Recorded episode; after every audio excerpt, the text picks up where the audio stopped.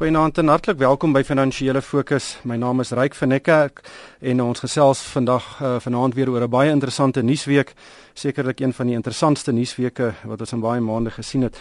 Ehm um, my gaste vanaand is uh, Theo Forster van Galileo Capital. Goeienaand Theo. Goeienaand Ryk. En uit Pretoria gesels Amelia Morgenrood van PSG. Goeienaand Amelia. Goeienaand Ryk en Theo. Theo, die groot nuus is uh, die Guptas wat skynbaar die pad gevat het Dubai toe. En dit volg na 'n uh, 'n baie onrustige week vir hulle. Die banke het hulle bankrekenings gevries. Hulle was baie ongelukkig daaroor. Um en uh ewe skielik klim klim hulle op 'n vliegtyg en vlieg. Wat maak jy van die storie?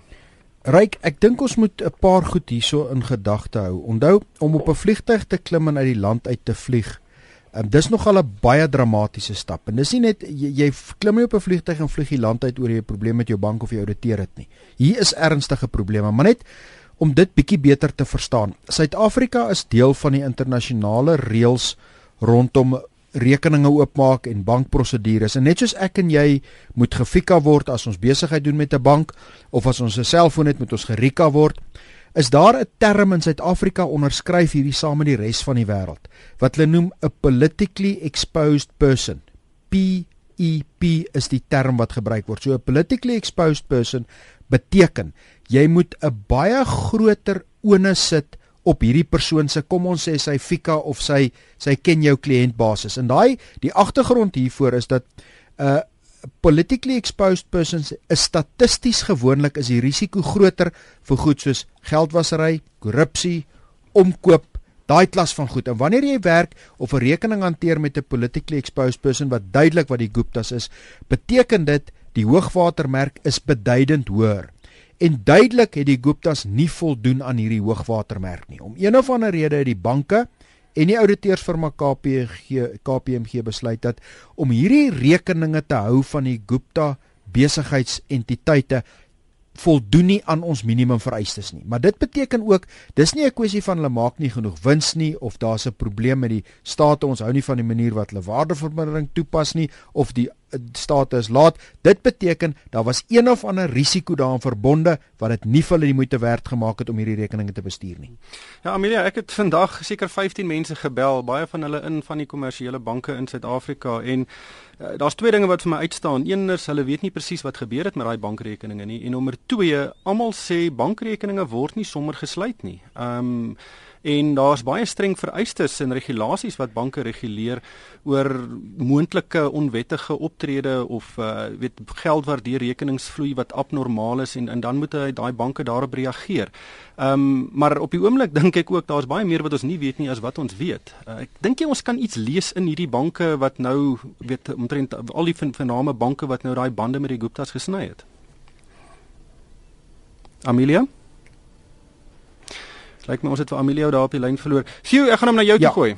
Kom ek sê eers vir jou, kom ons begin by die genoteerde maatskappy wat ons die inligting van het is ook by is ook by uh resources. Nou ook by resources is 'n maatskappy waarin die Gupta familie 'n rondom 'n 80% belang het. So hulle beheer hierdie maatskappy. Net om dit in in perspektief te sit. Ook by Resources het 'n markwaarde van 19 miljard. Dis 'n beduidende besigheid. Dis nie 'n klein besigheid nie.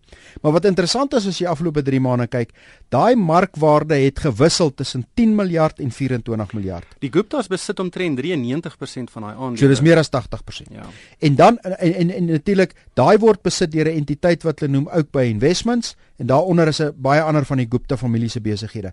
Maar binne die genoteerde Oakbay Resources sit ook die belang in die platinum besigheid, die Shiva Uranium. En baie van hierdie gerugte gaan rondom die feit dat hulle 'n baie groot posisie geneem in uh, op grond daarvan dat hulle gaan 'n uh, impak kan uitoefen op Suid-Afrika se kernprojek. En onthou 'n kernkragprojek op 'n groot skaal het langtermyn Iran kontraktering nodig en dat hierdie kontraktering sou hulle gedoen het binne hulle be be beheerende belang, dit wil sê binne Shiva Uranium.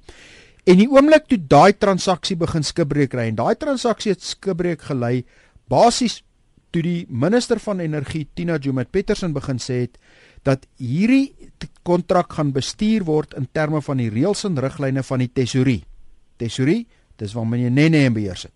En die tesourier geskiedkundig het 'n baie goeie storie as dit kom by hierdie kontrakte. As jy maar vat, ons hele her, hernubare energie kontraktering is gedoen binne die tesourier en daar was, ek meen van die banke 10, 20, 30 miljard rand toegestaan in lenings en finansiering vir hernubare energieprojekte. Hoekom? Dit was hierdie tesourier bestuur. En die oomblik toe sy sê maar hierdie tesourier gaan die ding bestuur en hierdie gaan deur 'n proses gaan en dan word mense aangestel om dit te doen, toe lyk hierdie baie groot Iran transaksie nie meer so lekker nie. En ek dink dit is deel van hierdie element, maar om terug te kom na jou vraag, dis ongekend. In my ervaring sluit banke nie sommer rekeninge nie. Banke sluit nie eers rekeninge vir krimineel nie. Ek neem aan meeste meeste ouens in tronke het nog bankrekeninge. Dis nie dat 'n bank 'n rekening sluit oor jy gemisdryf het nie. Net so 'n bank sluit nie 'n rekening van 'n maatskappy wat sukkel nie. Hulle probeer vir hom 'n oortrekking gee, hulle probeer hom uitbestuur. Ouditeursfirma stel 'n audit op al maak jy verliese. En dan hulle hulle hulle is mos daar om te rapporteer wat in die boeke staan. So ouditeursfirma sal net wegstap as daar ernstige probleme is waarmee hulle nie kan saamgaan nie. Onthou een ding wat ons nie moet vergeet nie. Net na die hierdie hele debakel begin het, het het die het die het die, die New Age wat deur die Gupta groep besit word, 'n volblad advertensie geplaas om te sê hulle belê hulle geld in Suid-Afrika. Hulle is 'n uh, Suid-Afrikaanse besigheid en KPMG kan dit bevestig. Nou ek wonder of dit nie ook 'n hoek is nie dat KPMG gesê het wag so 'n bietjie. Dit's alles goed en wel, maar ons kan nie heeltemal al hierdie goed bevestig nie. Ryk, jy's reg. Hier's te veel elemente hier wat nie lekker sin maak nie. Ja, Amelia, kan jy my hoor? Ek kan jou nou hoor, Ryk. Net weet wat, ek ek het nou soos ek gesê het 'n hele paar mense gebel en en een ding wat ek ook weet, ek het met uh, Jacques Celie um, van Eerste Nasionale Bank so ruk terug geëet en ek het hom gevra, wat is die inter, interaksie tussen die bankhoofde? Ehm um, en hy het onmiddellik gesê daar is geen kommunikasie nie. Hulle is heeltemal te bang vir mededingings uh, wetgewing. So hulle gepraat nie eers met mekaar oor kitsbanke nie. So daar die, die moontlikheid dat hy dat die banke met mekaar gesels het om 'n uh, gekoördineerde uh ehm um, weet uh, die rekeninge te sluit, uh, dink ek nie is moontlik nie. Maar hoe lees jy hierdie hele storie? En dan ek wil hierdie ding terugvat na net meer as 20 jaar gelede. Ehm um, ehm um, die Gupta se opgedaag het in Suid-Afrika. Nou volgens die City Press het ehm um, die oudste broer die aangekom en skoene en rekenaars uit sy motor verkoop. Nou ek vra myself af nou hoe op aarde het uh, het hy dit reg gekry en daarna het hy eers sy hele familie na toe gebring. Hoe waar het hy dit reg gekry om in 20 jaar so uitspattige en 'n reuse rykdom op te bou? Ehm um, jy weet ons het nog nooit ons het maar nie onlangs die jare eers bewus geraak van die familie Gupta. Nou ek weet nie van iets regtig revolusionêr wat hulle uitgedink het of wat hulle maatskappy soos Facebook begin het. Um, of hoe presies het hulle nou hierdie massiewe massiewe rykdom opgebou dat hulle nou een van die rykste families in Suid-Afrika is. Nou my vraag is net was dit alles uit staatskontrakte? um hoofsaaklik uit hulle uh, Sahara rekenaar besigheid. Um en as hulle dan nou niks verkeerd gedoen het nie, hoekom hardloop hulle soos diewe in die nag weg onder sulke groot geheimhouding? Maar vir my, die goeie nuus agter dit alles um ryk is dat daar dat daar definitiewe korporatiewe beheer in Suid-Afrika is. Dit wys dat ons is nog steeds ons het ons steeds 'n eerste wêreldse finansiële stelsel. Kyk wat het ons maatskappye en ons korporatiewe omgewing gedoen. Hulle het hierdie ouens uitgedruk toe hulle die geleentheid kry. En vir my hierdie groot maat korrupsie wat ek dink hulle in betrokke was of wat ons nou glo dit al hierdie geraamtes val nou nog uit die kaste uit. Um en ek dink die miljarde wat Suid-Afrika nog uh, potensieel kon verloor, jy weet in die liga wat die Gupta speel, is dalk ons nou gespaar. Um so ek dink hierdie is dit is dit is eintlik baie positief aan um, dat dat uh, Suid-Afrika eintlik op besigheid Suid-Afrika so saam gestaan het om hierdie ouens uit te druk. Maar vir my, um jy weet ek dink in die volgende week of 2, 3 sal deurslaggewend wees of dit ook polities um, 'n nuwe wending kan neem want daar's dan een van twee goed wat waarskynlik kan gebeur en een van die twee goed wat ons graag sou wil sien gebeur is dat um, minister Zuma bedank of dat hy dalk afgedank word deur die ANC en ek dink dan sal sal daar geweldige ekonomiese lig in tonnel vir ons wees.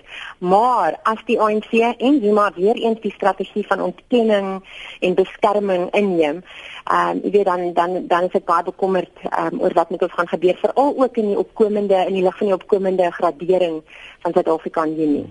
Gepraat van gradering, Theo Standard & Poor's het 'n uh, verslag oor Suid-Afrika uitgereik hierdie week. Hulle het ons groei afwaarts aangepas, uh, 0,8% vir vanjaar en 1,8% vir aanstaande jaar. Ehm um, uh, hulle sal in Junie sê of ons uh, gradering um, afwaarts aangepas gaan word tot rommelstatus. Ehm um, maar uh, hulle het ook van ons gesê dat uh, hier's baie planne, uh, maar daai planne moet nou deurvloei na groei toe. Uh, groei is die enigste ding wat gaan keer dat ons afgegradeer word. Uh, ek stem heeltemal saam Ryk. Ek dink net hulle syfers wat hulle genoem het 'n soort van reeds in die mark. Dit is die syfers wat ons almal weet. Dit is amper asof hulle so 'n bietjie laat is met hulle groei aanduidings. Ja, implementering Suid-Afrika het het twee groot probleme wat in hulle dit baie mooi uit uitgelig. Dis groei, ons moet groei kry, maar om groei te kry, moet ons 'n tipe van vertroue kry, ons moet sekerheid kry, ons moet implementering van beleid kry en is daai element wat ons mee wat is amper asof ons daai bal so half half wil laat val alweer. Ons het dit baie mooi die planne gemaak, maar dit is asof ons daai deel nie lekker reg kry nie. Want as ons dit nie reg kry nie, gaan groei nie kom nie. Ons het ook hierdie week gesien dat die regering het 'n uh, 'n dollar gedomeineerde 10 jaar staatseffek in die buiteland uitgereik. Ehm um, die bedrag is 1,25 miljard dollar. Um, en die kuponkoers is 4,75% en is twee keer oorvolskryf. Dit beteken nou was 'n uh, aanbiedings van geld van dubbel die 1,25 miljard rand. Dit dit wys tog 'n bietjie daar is nog aptyd vir Suid-Afrikaanse bates. Ja, ek ek dink net jy moet daai koers baie mooi in gedagte hou. Dis 335 basispunte of 3.35% bo die Amerikaanse 10 jaar effek. So dit beteken ons leen teen 3.35% duurder as wat byvoorbeeld Amerika kan leen.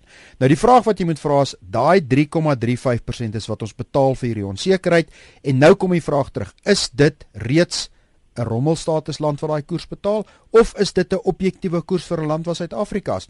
En ek dink die aanduiding daar sonder om baie detail te, te na gekyk het. Ek sien die aanduiding van kommentators is dat ons kon, as dit nie was vir hierdie omgewing nie, kon ons tussen 1 en 1.25 1.3% goedkoper geleen het. Dit beteken ons is besig om te leen in die area wat alreeds hierdie status toekom. Maar die punt van die saak is, ons het toegang tot kapitaal. Dit is meer as 2 keer oorskryf. Dit wil sê vir die 1.2 miljard het meer as kom ons sê 2.5 miljard voor aansoek gedoen. Die punt is net ons leen teen koerse wat ons eintlik goedkoper behoort te leen en dis maar waar hierdie ding vandaan kom. Hmm. Wel, is baie laer koerse as die kapitaalmark in Suid-Afrika en die moontlikheid is dat daai koers verder kan val. Wel, dit kan val. Dit is definitief so, maar op hierdie stadium ja, ons eie kapitaalmark is bo 9% vir 'n 10 jaar effek. Ehm um, en dit dit is eintlik waar rommelstatus lande lande ehm um, uh, verhandel. So ons is daar nie ver daarvan af nie. Ehm um, ek dink wat baie belangrik gaan wees en ek kom terug na die punt implementering. O, ons wag vir maklike goed, so soos 'n nuwe direksie vir SAL. Dis die tipe goed wat ons wil sien. Want dan weet jy hier word daar werklik stappe geneem. Ehm um, Amelia, interessante storie die week was dat Uber die uh, online of die slimfoon uh, huurmotordiens uh, gaan sy fooi in Suid-Afrika verlaag en dit is regtig een van die min dinge in Suid-Afrika wat nou goedkoper word. Ja, dit is wonderlik. Ehm um, met 20% nogal. Ehm um, en ek dink dit gaan 'n baie groot ver, verskil maak vir ons wat in die stede woon. Ek is natuurlik 'n groot groot groot aanhanger en gebruiker van Uber op 'n daaglikse basis. Ek dink dit is een van die wonderlikste goed wat ons ooit getref het. Absoluut revolusionêr vir ons hier in Suid-Afrika, veral omdat ons geen publieke vervoer het nie en ons uh, bestaande taksiedienste maar redelik ehm um, ehm um, onbetroubaar en verskriklik duur is. En ek dink dit het 'n groot verskil gemaak in baie mense se lewens. Jy weet werkende vrouens van my vriendinne weet ek wat dit vir hulle kinders gebruik vir naeëse bedrywighede.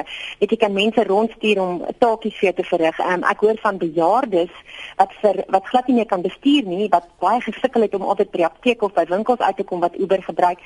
Natuurlik besigheidsmense wat nie wat nie kan bekostig om daai tyd in die verkeer te spandeer nie, kan ook weet hulle tyd beter aanwend. So ek dink dit is een van die wonderlikste goed ooit en die feit dat die prys nou so dramaties afkom, um, is natuurlik is baie goed vir ons. Um, en Uber hoop natuurlik in hierdie proses sal hulle die vraag na die diens verbeter en dat dat daar meer natuurlik 'n hoër omset sal wees. Maar soos wat ek met van hierdie Uber drywers ehm um, praat, kom ek agter dat ehm um, Uber geweldig ehm um, gewild is en dat dit baie gebruik word en ek wil sê in Pretoria van my kantoor af ehm um, uh, Uber ek kan e te enige tyd van die dag uh, uh, weet uh, uh, Uber aanvraag doen en binne 5 minute is daar 'n motor by my kantoor. So dit werklik waar ehm, 'n um, fantastiese diens. Ja, en ek dink dit kan op langtermyn baie weet motors van die pad afhaal omdat dit so goedkoop is en in baie gevalle as jy nie baie reis nie, sien jy kan dit goedkoper wees as om 'n motor te besit. Ja, ek ek weet Amelia daai somme gemaak en dis hoekom sy dit elke dag werkloon teruggebruik. ek dink die voordeel vir my is net die gerief daarvan. Ehm um, ek gebruik dit nou nie elke dag nie, maar en ek dink ook hierdie is deels van omdat hulle gewoonlik 'n daling kry in gebruik in winter. Dink ek is deels om daai daling te probeer bekamp. Sien uh, nog 'n positiewe storie en is een iemand wat ek regtig volg en dis Elon Musk van Tesla. Ehm um, hy het hierdie week 'n nuwe motor aangekondig, die Tesla 3. Ehm um, nou Elon Musk is 'n seun van Pretoria. Ek weet hy's nie baie mal oor die plek nie. Ehm um, hy is op die op die oomblik een van die grootste entrepreneurs in die wêreld. Mense reken hom in dieselfde klas as Steve Jobs en hy's besig om twee bedrywe heeltemal omver te werp. Weet as enige iemand as die Amerikaanse regering iets ruimte toe wil stuur, dan bel hulle hom eerste.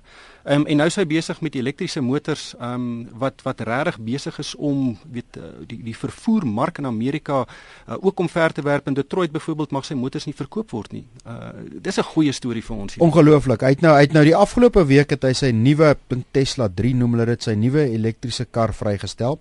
Die kar is nog nie gemaak nie. Dit is nou in die proses om gemaak te word. Hy het in die eerste week bestellings gekry vir 325000 motors. 325000 motors. Suid-Afrika verkoop 'n maand so wat 50000 nuwe motors. So en daai mense moes almal 'n deposito betaal van 1000 dollar. So 325000 mense het 'n deposito gebetaal van 1000 dollar vir kar wat nog nie gemaak is nie. Die totale verkope daarvan is omtrent 14 miljard dollar. Dis reeds verkoop voor hy nog sy fabriek opgesit het.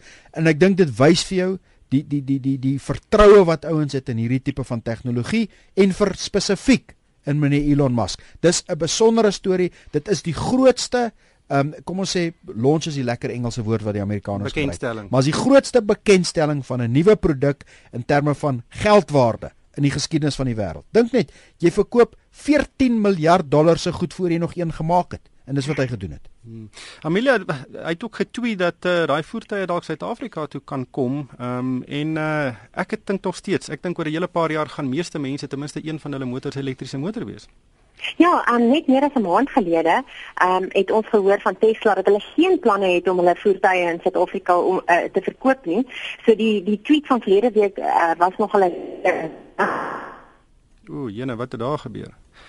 Sjoe, ons gaan vir Amelia net daar los. Net laastens uh, die rand het hierdie week ook weer 'n bietjie sy normale wipplanker dit gedoen. Ehm um, maar hy staan net sterk. Hy's uh, onder 15 um, ehm, en dit lyk nie asof hy hom te veel stuur in aan die politieke ekonomiese gewing omgewing wat tans in Suid-Afrika aan die gang is nie. Ja, ek sien ook die kapitaalmarkkoerste is baie robuust. Hulle hulle is nie besig om regtig op te verhandel nie tussen 19 en 29 en die rand hierop in in Amerikaanse verhandelinge sê hy na 14.88 wat eintlik positiewe vlakke is. My idee, my dink sou wees ek dink is die dis die goeie nuus rondom die plasing van die 1.2 'n eh, miljard dollar se se fondse deur die deur die tesorie, maar nommer 2 Ek dink tog ons is stadig gaan in die stilligheid is ons besig om te sien die implementering van al meer elemente wat ons in die begroting beloof is. En ek dink op die langtermyn is dit krities nou vir Suid-Afrika dat ons daai deurvoer sien. Dat ons begin sien dat daai planne in plek kom en dat ons die die die die die deurvoer daarop sien. En dis amper as jy nou regtig 'n ligpunt wil soek in hierdie bekleierery van meneer Zuma om beheer te bly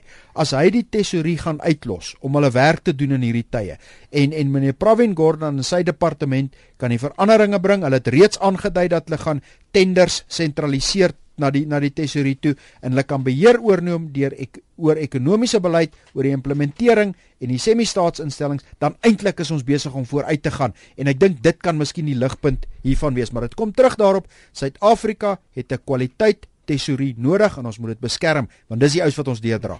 Ek dink ook ons het 'n uh, leierskap nodig wat opstaan en sê luister genoeg is genoeg. Ons gaan nou fokus op die ekonomie. Ons het 'n nasionale ontwikkelingsplan ons gaan hom nou so aggressief as moontlik implementeer en dit dan doen. Wel ryk, ons wag nou al sedert die die opening van die parlement en die begroting. Wag ons vir hierdie implementering. En as ons nie hierdie implementering kry nie, dan moet ons begin vra vra want dan beteken dit alles waarmee ons besig was gaan net vervaag. En onthou ons tyd loop uit. Ehm um, die graderingsagentskappe gaan begin in die middel van die jaar in Junie en dan teen die einde van die jaar. En as ons nie wys dat ons is op die regte pad nie, dan gaan ons dit mis. Die graderingsagentskappe wil nie alles moet 'n plek wees nie. Hulle wil 'n verandering sien wat sekerheid rondom beleid betref. Ons probleem is tweeledig: groei, sekerheid oor beleid. Sekerheid oor beleid moet ons aanspreek sodat ons die groei kan kry. En hooplik uh, gaan ons daai verandering sien. Al sprei dit nou uit 'n swembad en 'n in 'n hoenderhok en 'n kraal uit. Ongelukkig het die tyd ons ingehaal. Baie dankie aan Amelia Morgenrood van PSG en Theo Forster van Galileo Capital en van my ryk van die kerk. Dankie vir die saamluister en ek hoop almal het 'n winsgewende week.